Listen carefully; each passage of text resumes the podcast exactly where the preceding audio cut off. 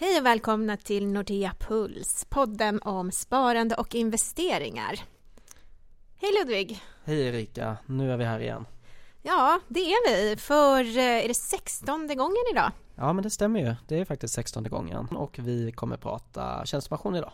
Exakt, och vi har med oss Karina Remnemark, vår pensionsexpert. Och hon har ju varit här tidigare och pratat pension, men eh, nu fokuserar vi alltså på tjänstepension. Ja, precis. Och eh, som vi har sagt tidigare så kan man ju alltid ställa frågor till oss och det gör man antingen till vår e-mailadress som är nordeapuls.nordea.se och via det här frågeformuläret som vi brukar prata om som finns på Nordea Investors hemsida. Investor.nordea.se Precis. Jag tycker vi kör igång veckans avsnitt. Det gör vi.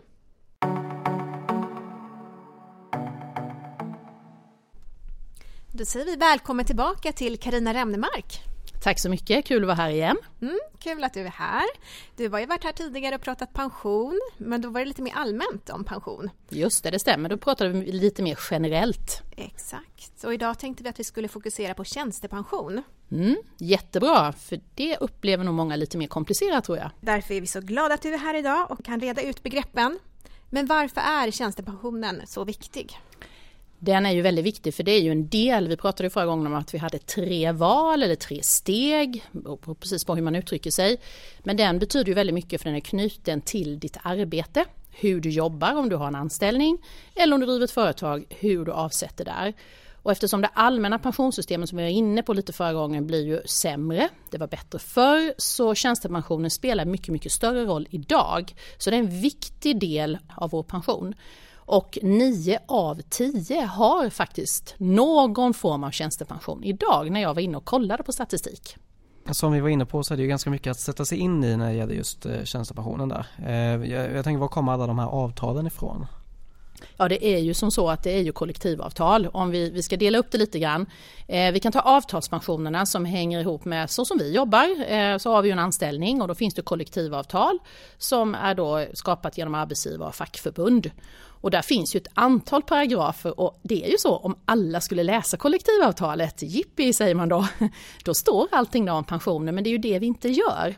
Där finns också då paragraferna om hur, hur ser det ut när jag blir 65, hur blir det om jag blir sjuk, hur blir det om jag avlider och det är ju det, är ju det som är pensionsdelen. Så det är ett kollektivavtal som ligger till grunden. Men sen om det är så att jag driver ett företag, då hänger det ihop med helt andra saker. Men om vi är anställda så är det kollektivavtalen som styr det. Och det finns ju fyra stora tjänstepensionsavtal i Sverige. Eh, kan du berätta lite mer om dem? Det är fyra stora avtal precis. Och egentligen så skulle jag vilja säga så att vi kan börja med privatanställda och, och se det att man anställer i privat företag. Då delar vi in det i två delar. Antingen är man tjänsteman eller så är man arbetare. Sen har vi då ett jättestort avtal. Det är ju alla kommun och landstingsanställda. Och sen har vi det fjärde. Det är ju då att vara statligt anställd. Och när man ska beskriva de här fyra så kan man gå jättedetaljerat och det tror jag inte vi gör idag. Utan vi tar lite mer generella drag i dem. Det som är viktigt nu att veta det är ju då att om du är det är lite olika mellan avtalen men om du typ är född före 78 så har du ett mycket bättre avtal än om du är född efter det. Sen skiljer det lite mellan avtalen. Därför att det är den här, vi var inne lite grann på det förra gången då Ludvig, där vi pratade om att det finns en förmånsbestämd del. Jag till exempel som har jobbat 37 år i Nordea, jag har en förmånsbestämd del. Och sen har man också en kompletterande del. Och här skiljer det lite mellan avtalen. Men det som är viktigt då är att man går in eh, antingen på min pension eller att man tittar kollektivavtalet. Vilken ålder jag är i? Vilket avtal har jag? Vad gäller nu för mig? Och jag vet att ITP när de gjorde om då för privatanställda tjänstemän, då skrev de mycket, det var mycket artiklar om att ni som har jobbat länge, ni har det här, men ni som nu är ungdomar har det här. Sen är det olika åldrar, man kan säga att arbetarna då, de privatanställda arbetarna som har jobbat länge, de fick faktiskt pension, den startade på 21-årsdagen när du jobbade, medan privatanställda tjänstemän, det gamla avtalet, då var det 28-årsdagen. Så, så det är inte så konstigt hörni att man tycker att det är komplicerat. För varje avtal lever sitt liv och just nu då också nummer ett eller nummer två i varje avtal. Det beror på när du är född. Men vad är det för skillnad på eh, förmånsbestämd och eh, premiebestämd tjänstepension? Den förmånsbestämda, då vet du vad det blir. Det blir en procent av din slutlön. 10% av din slutlön eller om du tjänar väldigt mycket pengar ytterligare 32% eller någonting. Men den premiebestämda det beror precis på vilken premie som sätt in, sätts in. Och tittar vi då på de här avtalen som är styrda till kollektivavtalen så har de en premie på mellan 2 och faktiskt upp till 6. För de som är lite yngre som nu är statsanställda, de har faktiskt en individuell del som är upp till 6. Den bestämmer du ju över. Men den här bottenplattan som jag tycker då för oss som är min generation, den får du inte bestämma över. Utan den, det blir ett visst belopp på din slutlön när du går i pension. Där har du skillnaden. Men det här med traditionell försäkring eller fondförsäkring, vad är skillnaden? Det här är en jätteintressant fråga för att med, vi kan säga, jag började jobba då 80 och på 80-talet Alltså det var ju då aktiemarknaden drog igång, det var då allemansfonden och så vidare. Så då fanns det bara traditionella försäkringar. Det var aldrig någon som funderade på vad var det? Utan man hade ett pensionssparande. Så en traditionell det förvaltas av försäkringsbolaget som lyder under lagstiftningar. Där det är bestämt hur de ska fördelas, det måste finnas en trygghet, de måste hålla en konsolideringsgrad, de får inte äventyra ditt kapital du har satt in. Så det är ju ett, och så är man garanterad ett belopp. Och där gäller det nu, om man nu har en sån och har en gammal goding kallar jag det för, det vill säga att man har varit med länge i de traditionella försäkringarna, så kan man ha en jättefin avkastning på sina pensioner. Så innan man gör några byten måste jag flika in här, för det tycker jag är jätteviktigt, så ska man kolla vad är det jag har idag? Och hur länge är eh, länge menar du? ja, tid? alltså man börjar spara vid 70, 80 80-tal, då och kanske lite in på 90-tal, då har man gamla fina produkter som man ska vara rädd om. Så att man ska inte bara hoppa in för att någon kontaktar och säger nu är det dags att byta. Eh, så ibland kan den traditionella vara mycket bättre om den är gammal än att ha en fondförsäkring. Men en fondförsäkring tycker vi ju nu om vi träffar nya sparare så tittar vi på aktiemarknaden hur den utvecklar sig jag menar jag är ju där, började man spara på 80-talet så ser man ju vilken utveckling man har och nu talar vi om långa pengar. Träffar jag en som är 30 år så pratar jag ju fonder förstås. Och det är ju så vi tycker man ska spara idag. Men sen är det lite olika om jag går tillbaka lite till avtalspensionerna då, så där är lite olika hur du får spara. Jag kan bara ta ett exempel som är ganska nytt då, det är att de privatanställda tjänstemännen, ITP, de måste ha hälften i en traditionell försäkring. Det är liksom ett beslut som togs lite konstigt kan jag tycka, men så är det. Så att där har du skillnaden.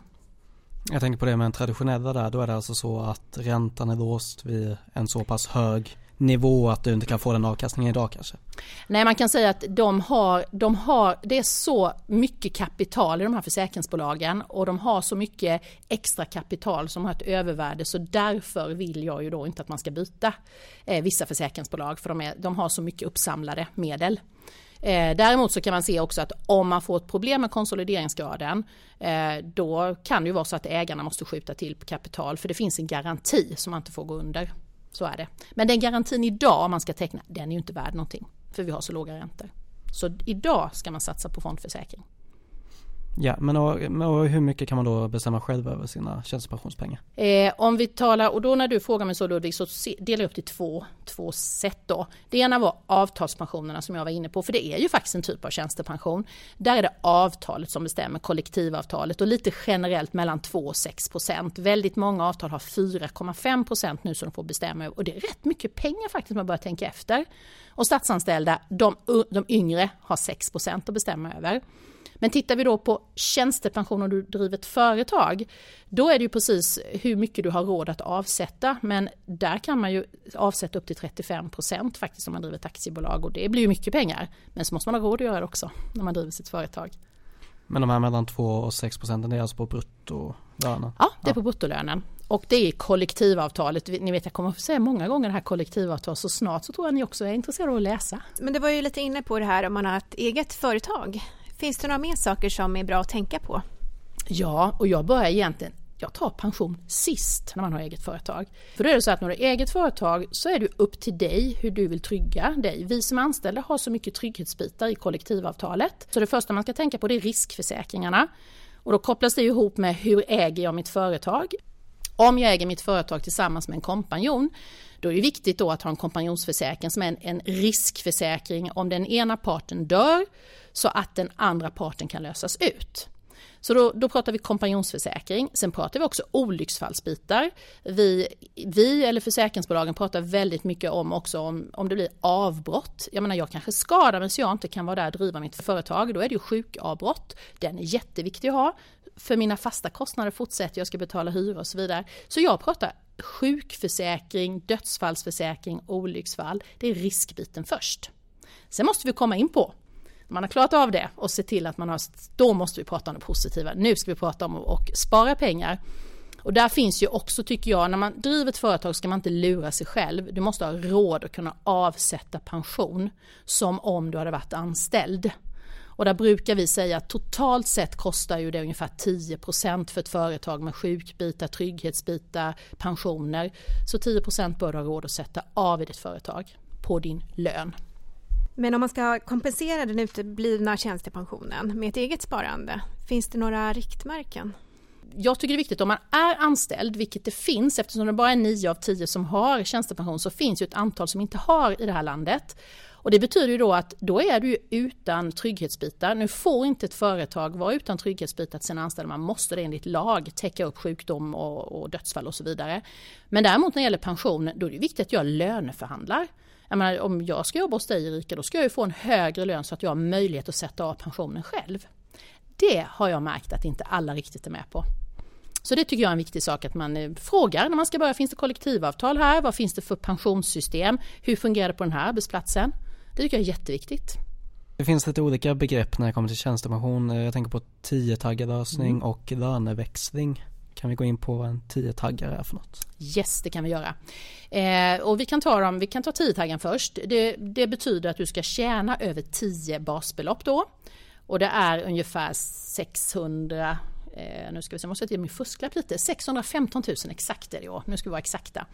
Och det betyder att när du tjänar över det så får du välja då alltså 10-tagslösningen från 7,5 basbelopp. Men du måste över 10 först. Och det betyder att du kan förhandla med din arbetsgivare att det som går in på avtalspensionen som är fast, för det är ju liksom ett belopp som går in, du får bestämma över placeringen men du kan inte bestämma hur mycket ska vara sparande, hur mycket ska vara riskskydd så kan, om jag är en sån person så kan jag istället säga, ja men vet ni vad, jag lever ju själv.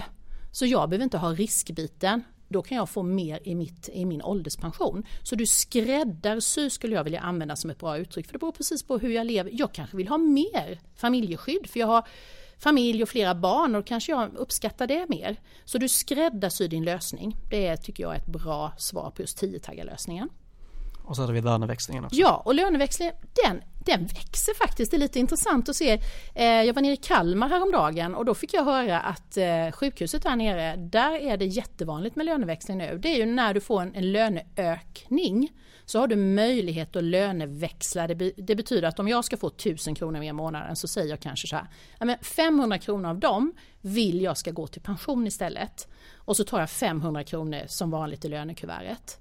Och då betyder ju det att då avstår jag en del av lönen, vilket påverkar negativt. För vad händer nu? Jo, då är det mindre in i allmän pension. Det är mindre om jag blir sjuk. Det måste man tänka på.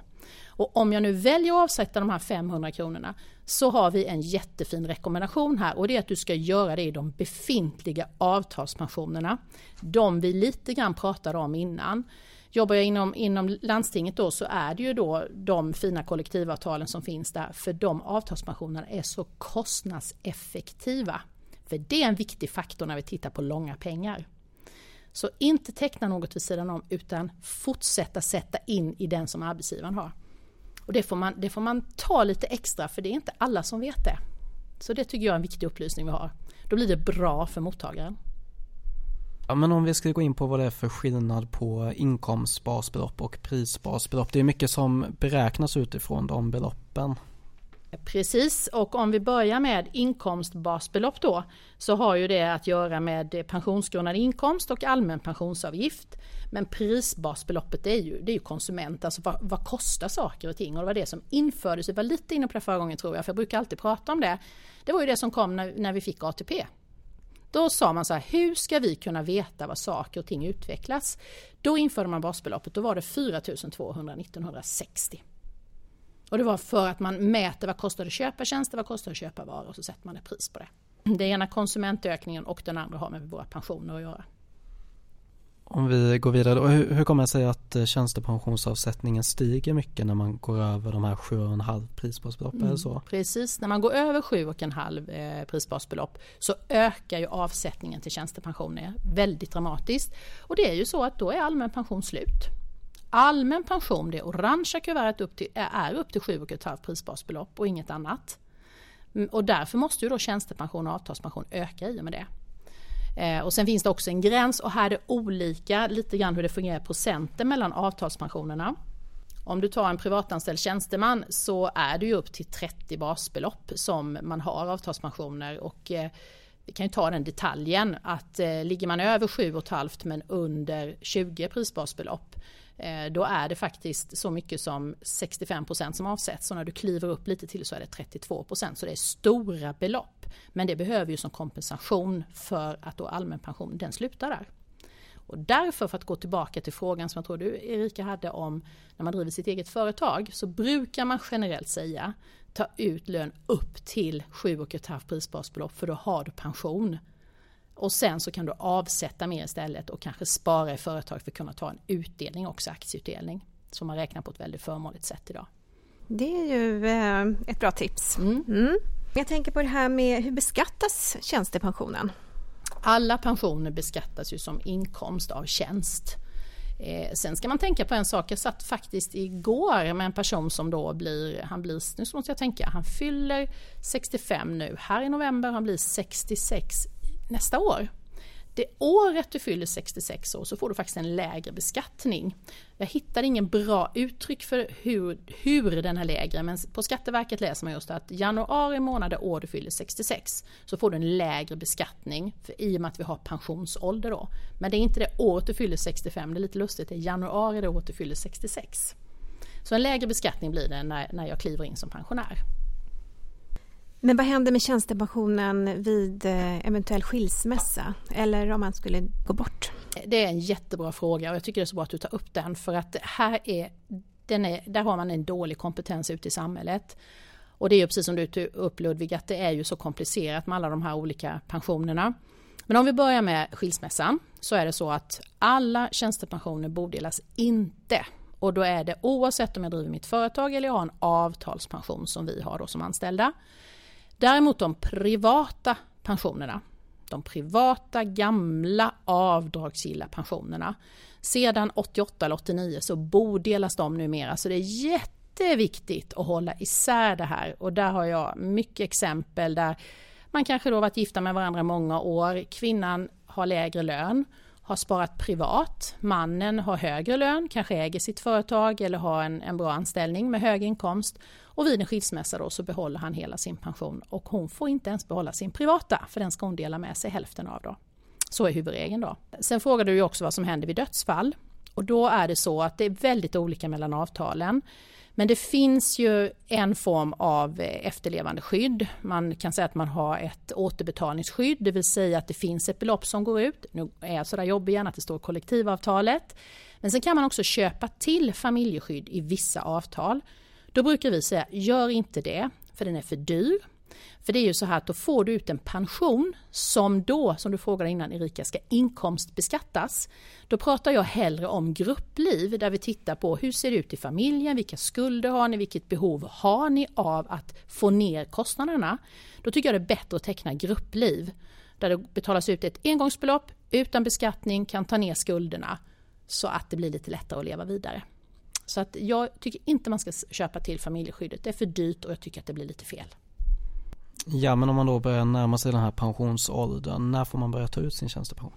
Ja, och då är det så att då ska vi hålla isär igen. Om jag driver mitt företag eh, så har vi då en, en, en ålder på 55 år som du kan börja lyfta där. Men om, som vi är anställda så finns det ju olika då avtal vad de säger och när jag tittar igenom de här fyra stora avtalen så är de flesta på 65-årsdagen.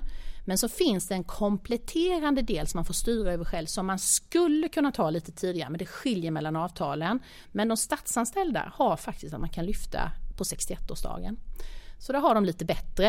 Eh, men generellt så är det ju 65. Men det finns en liten del som du kan ta ut tidigare och nu är jag sådär jobbig igen. Det står i kollektivavtalet och det står också på dina pensionspapper.